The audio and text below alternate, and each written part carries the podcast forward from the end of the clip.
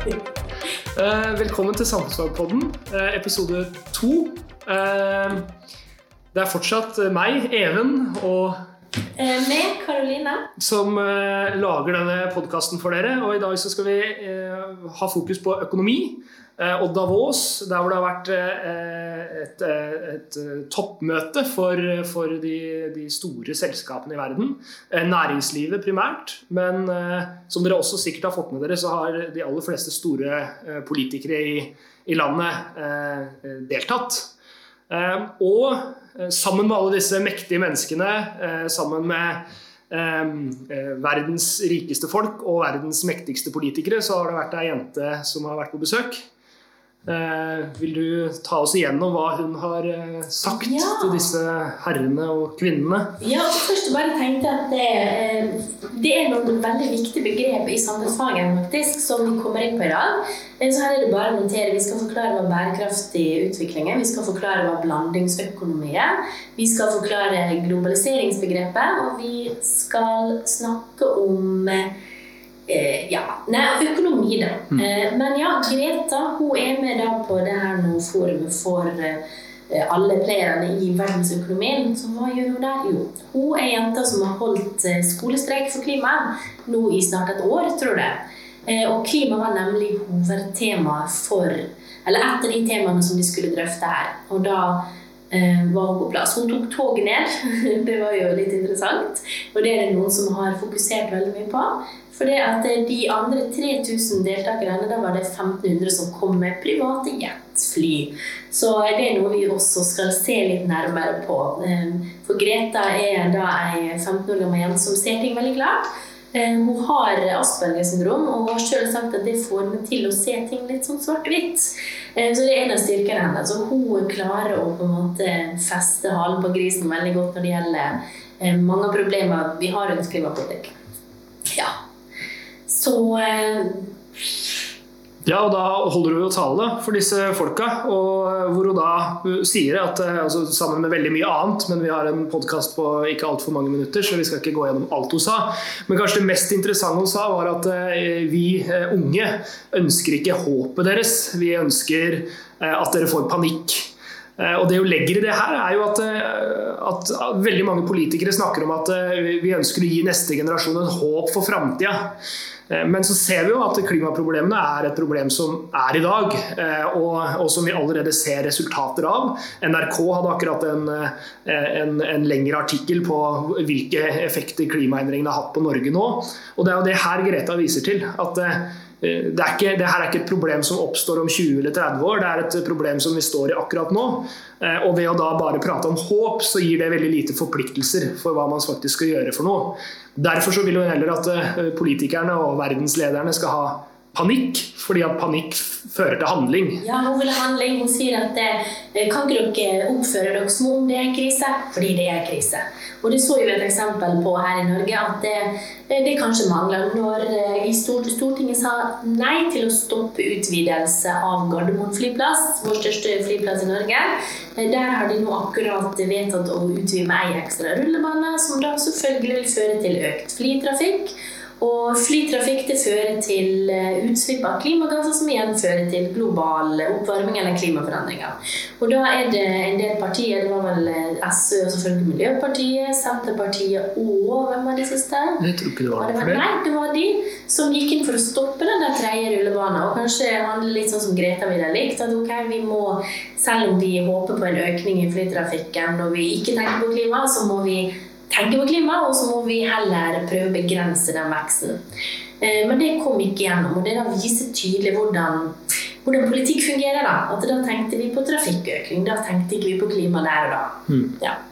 Ja, og da kan vi kanskje forklare det globaliseringsbegrepet. For det, eh, vi har noe som heter økonomisk eh, globalisering. Og hva går det ut på? Økonomisk globalisering handler jo om at eh, vi, vi åpner opp grensene våre, sånn at det er lettere for, for oss å handle på tvers av grensene. Dvs. Si at vi i Norge kan handle med, med, andre land rundt omkring i verden uten at det legges toll og, og altså penger som, eller avgifter som legges oppå det vi vil ha for varene våre. Med EØS, ikke sant? ikke sant? For å få lov til å handle lett med Europa uten de der tollsperrene. Ja, og, ja. og det det fører til, er jo at vi kan handle fritt med andre land, og, eh, og, og de kan handle fritt med oss. Men det Trump har gjort, er jo eh, det motsatte. Han har eh, heva tollen på, på, en rekke forskjellige varer. I Norge har vi merka det på bl.a. aluminium, som han har økt eh, tollen på. Som gjør at vi har vanskeligere for å konkurrere på det amerikanske markedet mot leverandører av aluminium i, i USA. Um, og hva blir effekten av det her? Ja, og det, jo, altså, det, som er litt interessant, er jo at det faktisk det her er å snu en trend som har mm. pågått de siste skal vi si, 100 år egentlig, mot mer og mer globalisering. Mer og mer eh, frihandel egentlig, mellom i hvert fall vestlige land. Eh, og så kommer Trump da og setter ned foten. Og da kaller de det han står for, for isolasjonisme, hvis jeg klarer å si det riktig. Han vil tilbake til der vi var enkeltland, og så tok vi vare på eh, vår interne industri. For han, for han så handler det her om arbeidsplasser. For det USA har satt ut veldig mye av sin egen produksjon til andre land, sånn som vi gjør her i Norge. Mm. Så han har lovd nå skal industrien tilbake, nå skal arbeidsplassene tilbake. Men Eh, går det an å bare skru tilbake tida? Hva det, det her fører til bekymring blant bl.a. Angela Merkel fra Tyskland. Hva er hun bekymra for? Angela Merkel er jo selvfølgelig bekymra for at eh, mindre handel i verden vil føre til mindre utvikling. Eh, og det føre, kan føre til at vi, vi får altså, mindre forståelse på tvers av, av, av landegrenser. Bra, rett og slett, ikke det? Jo. Vil noen se? Ja. Mm -hmm. Og, og det, det, vil jo kunne bli en utfordring eh, hvis det her utvikler seg. En annen ting er at USA er ekstremt viktig for verdensøkonomien, altså den globale økonomien.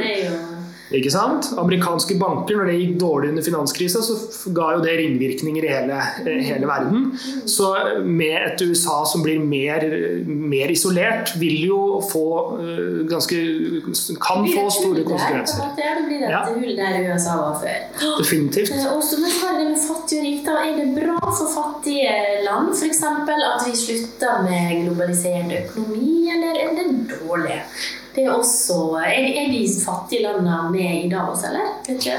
Nei, nå har, har, ikke vi en statistikk på akkurat hvor mye og hvor lite, men, men, vi vet jo at det er langt færre selskaper fra fattigere deler av verden som, som har, eh, har, en økonomi og har en, en, standing som gjør at den blir en del av det, det forumet her. Dvs. Si at den vestlige verden er nok overrepresentert eh, i, eh, i, i, i, de forhandlingene her, eller de diskusjonene.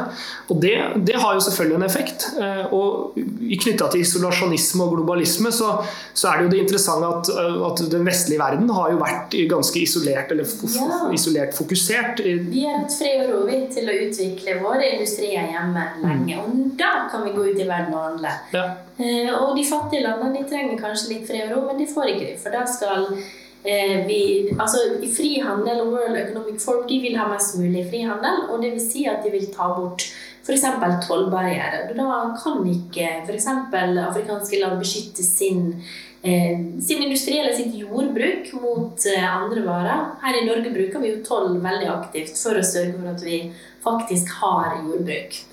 Eh, så er vi i sosial... Hva heter det? Er, det, er vi i isolasjonister i Norge? Eller er vi for frihandel?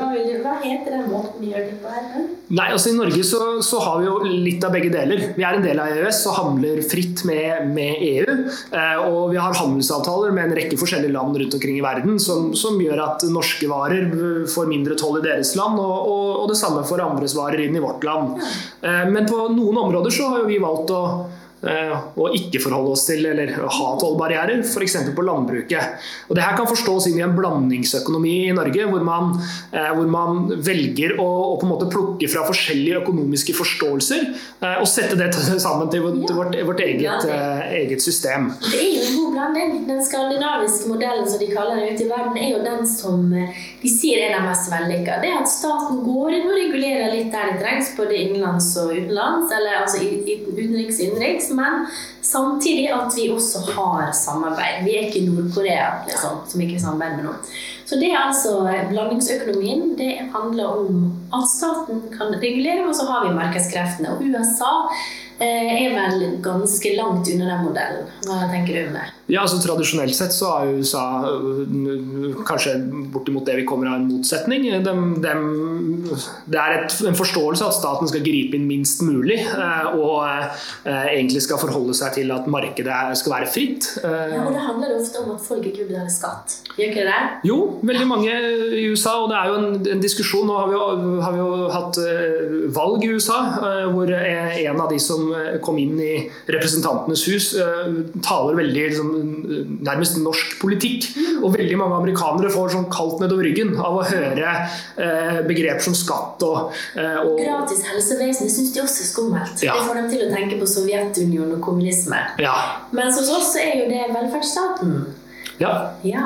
Det er jo sånn vi, vi, vi gjør det i Norge. Og, ja. og, og, og, det her har vi jo hatt om i, og skal ha om kanskje, i, i samfunnsfagundervisninga også. At, eh, at, den norske modellen, eller den norske velferdsstaten, er avhengig av at vi betaler en viss porsjon skatt. Eh, og det her er jo også Petter Stordalen opptatt av. Eh, ja, det var interessant. For han er jo big business her i Norge. Han er 16 000 ansatte, han er noe sånt, og mange hoteller.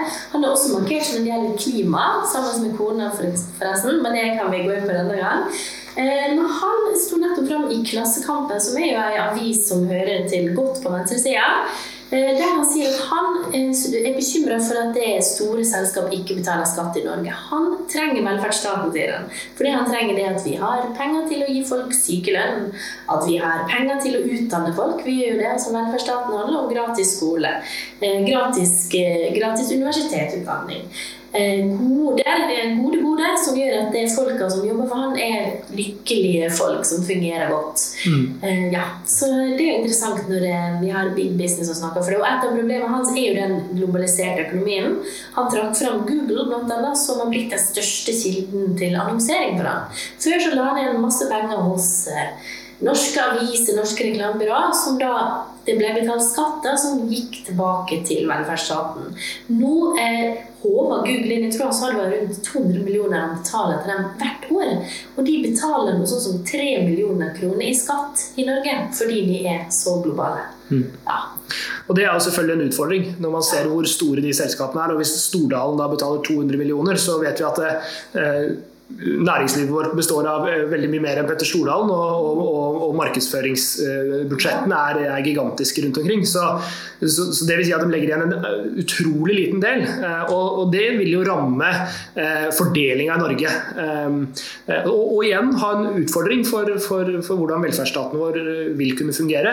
Så det her blir nok en av de utfordringene som, som norske politikere vil stå overfor i, når vi hører at Erna Solberg prater om, om velferdsstatens eh, Eh, velferdsstatens bærekraft. At vi skal ha økonomi til å kunne, kunne, kunne serve innbyggerne i, i framtida med gratis helsetjenester, med gratis skole.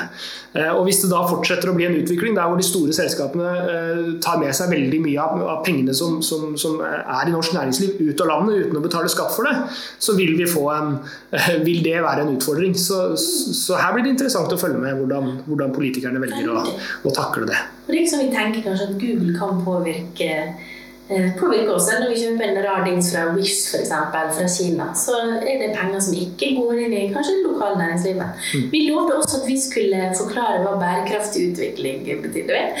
Ja. Det? Ja. Eh, og det er jo et begrep som betyr at det, vi gjør ting i dag eh, der vi får dekket våre behov, men som også sikrer at fremtidens generasjoner også får dekket sine behov.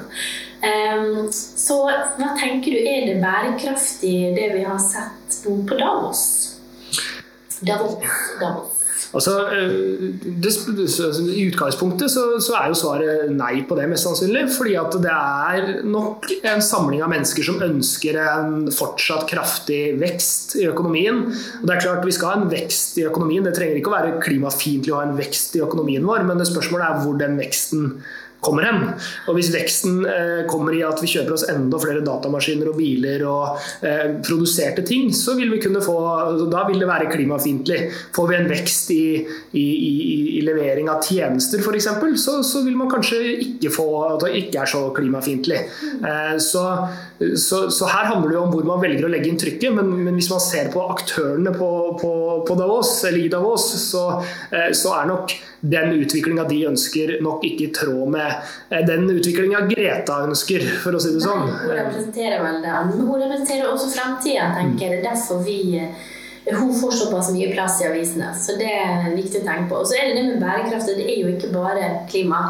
Velferdsstaten er vel en del av vår bærekraft som samfunn. For det mm. handler om utdanning, det handler om fattigdom. Så ja, rett og slett, vi må finne løsninger som eh, passer på alle de tingene. Altså, rett og slett et velfungerende samfunn med en fremtid som ligger der både barn og Det er jo det som er interessant med begrepet bærekraft. fordi at Det kan jo deles opp i, i utgangspunktet i tre. med Miljømessig bærekraft, økonomisk bærekraft og sosial bærekraft.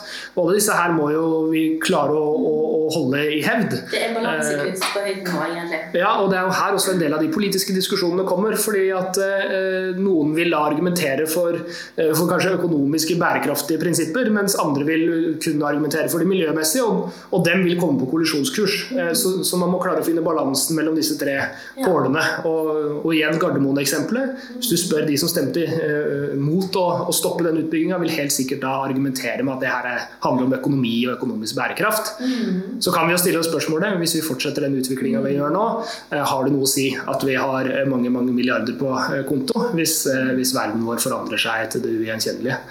Så det er interessant. Det er interessant. Da skal vi over på norsk politikk. Raskt innom det. Det har vært noen endringer i regjeringa. Vi har fått noen nye ministre. Eh, som vi snakka om i forrige podkast, så fikk vi jo eh, inn KrF i regjeringa. Og det har gjort at eh, vi har fått flere ministre og nye ministre. Har de lagd rett og slett nye jobber, nye stillinger for å få plass til alle? For det er jo snakk om en flertallsregjering med virkelig trykk på flere. Her har vi mange folk som plutselig fikk være med. Hvorfor ble det sånn? Nei, Det var jo som vi var inne på forrige gang, at det, når mange partier skal samles inn i, én en, en, regjering, og, og, kanskje mange forskjellige meninger og mange forskjellige partier, så vil alle sammen ha en viss representasjon. Eh, og Da havner nok eh, Erna Solberg, statsministeren, som skal, skal være sjefen for det her, i en situasjon der hvor hun må eh, kanskje finne jobber. Eller det hun har gjort, er jo å dele opp arbeidsområder. Så har vi fått sånne tulleministerstillinger som egentlig ikke gjør noen ting, eller? Det, det er jo en del av diskusjonen. Vi, vi har fått en digitaliseringsminister som er eh, Nikolai Astrup. Eh, der er det mange Det var mye, mye harselering med, med digitaliseringsministerposten eh, på Twitter og i andre, andre, sammenhenger helt i starten. Nå ser vi en debatt som har dreid seg litt kanskje i retning av, av at vi trenger denne digitaliseringsministeren. Eh, så Det blir interessant å se hva han skal jobbe med, og hva han får ut av den jobben. Eh, det er jo ingen tvil om at vi får en utvikling i Norge som går i retning av digitalisering. Ja, Jeg, jeg syns det var en viktig jobb. Altså, særlig vi bare tenker på det vi sa om eh, Google og sånne ting. Altså, det er så mye i hverdagen vår som handler om nettløsninger, og så kanskje vi tenker at det ikke er virkelig, fordi det er nettopp på nett. Men mm. det er noe som tror, jeg tror former samfunnet vårt veldig mye. Så hvis vi får noen som sitter og skal styre litt på det, så tror jeg det kan være viktig. Ja. Definitivt. Og så har vi fått en samfunnssikkerhetsminister, eh, som er da Smines Tybring-Gjedde. Uh, hun skulle jobbe da med samfunnssikkerhet, en ting som lå til justisministeren før. Uh, og uh, Det er jo selvfølgelig viktig. og også, Man kan jo argumentere for at det her også er en, en, en stilling som kommer av på en måte utfordringene med klima. Vi ser at vi får mer ekstremvær, vi ser at vi får større utfordringer på de områdene. Samtidig så har vi en mer urolig verden som gjør at vi, vi, vi trenger å sikre samfunnet vårt mot, mot trusler. Snakker vi om terror og sånne ting? eller? Ja, ja definitivt. Krig, terror, eh, og, og, det vil da være Tybring-Gjeddes uh, hoved, hovedgeskjeft her. Ja, for Regjeringen har jo fått litt kritikk pga. 22.07. Mm. Kanskje det hun skal rydde litt opp i også, eller hva tenker du? Jeg vil jo tro at det er innenfor hennes eh, arbeidsområde. Raskt forklare hva flertallsregjering er, før vi hopper over på den siste ja, saken. Og Flertallsregjering handler jo om at, at regjeringa har flertall i Stortinget. Så når regjeringa da tar med seg en sak til Stortinget, så så, så er flesteparten av de representantene på Stortinget er da fra partiene KrF, Venstre, Høyre og eh, Frp. det Dvs. Si at regjeringa i, i, utgangspunktet kan gjøre eh, hva de vil. Eh, og, og, og, flertallsregjering er jo noe vi har hatt ganske mange ganger i Norge, eh, og, og er ikke et ukjent, ukjent ting. Eh, og er noe vi kanskje kan diskutere enda mer seinere, og i undervisning også, hvordan, hvordan det fungerer. Siste sak er eh, Jensen-saken og juryordninga. Den her tar vi veldig raskt helt på slutten. Ja.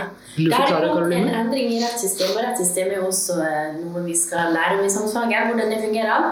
Og akkurat nå så har vi, eller ikke akkurat nå, men nå har den siste saken som hadde jury i norsk rettssystem, den har blitt avslutta. Og det ble en litt sånn flau avslutning, fordi juryen sin kjennelse ble rett og slett satt til side av fagdommeren. En jury, tanken bak det har vært at man skal dømmes av likemenn, så der sitter det helt vanlige folk som skal avgjøre om du er skyldig eller ikke. De skal ikke se på noen begrunnelse for det, for det har ikke de peiling på, men de skal rett og slett si ok, du er skyldig eller ikke skyldig. Eh, Men i praksis så har det blitt til at det ja, mange dommer altså, ikke har blitt gode nok, fordi at folk altså, ikke klarer å sette seg inn i kompliserte saker. Og det så vi i denne saken her. En politimann som skulle dømmes på to punkter. Det ene var at han hadde drevet med narkohandel. Det andre var at han hadde drevet med korrupsjon. Og korrupsjon er at du får økonomiske eller andre fordeler eh, pga. stillingen og posisjonen du er i. Som politimann har du en maktposisjon.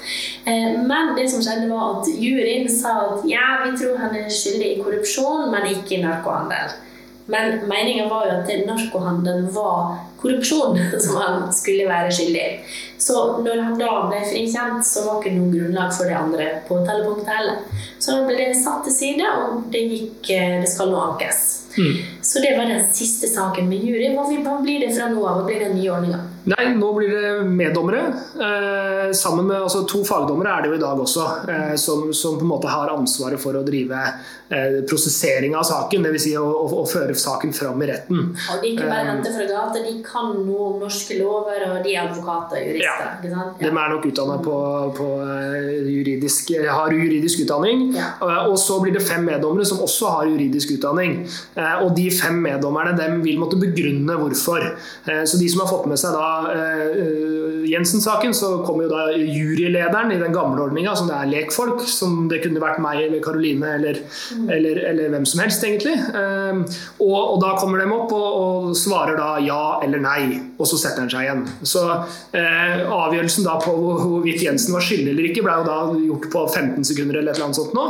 Med den nye ordninga så må meddommerne da begrunne juridisk sett, altså ut ifra loven, hvorfor de mener at eh, den tiltalte er skyldig eller uskyldig. Eh, og det her mener man at vil føre til bedre rettssikkerhet. Og, eh, og eh, det, det kan kanskje mye tyde på at det også blir.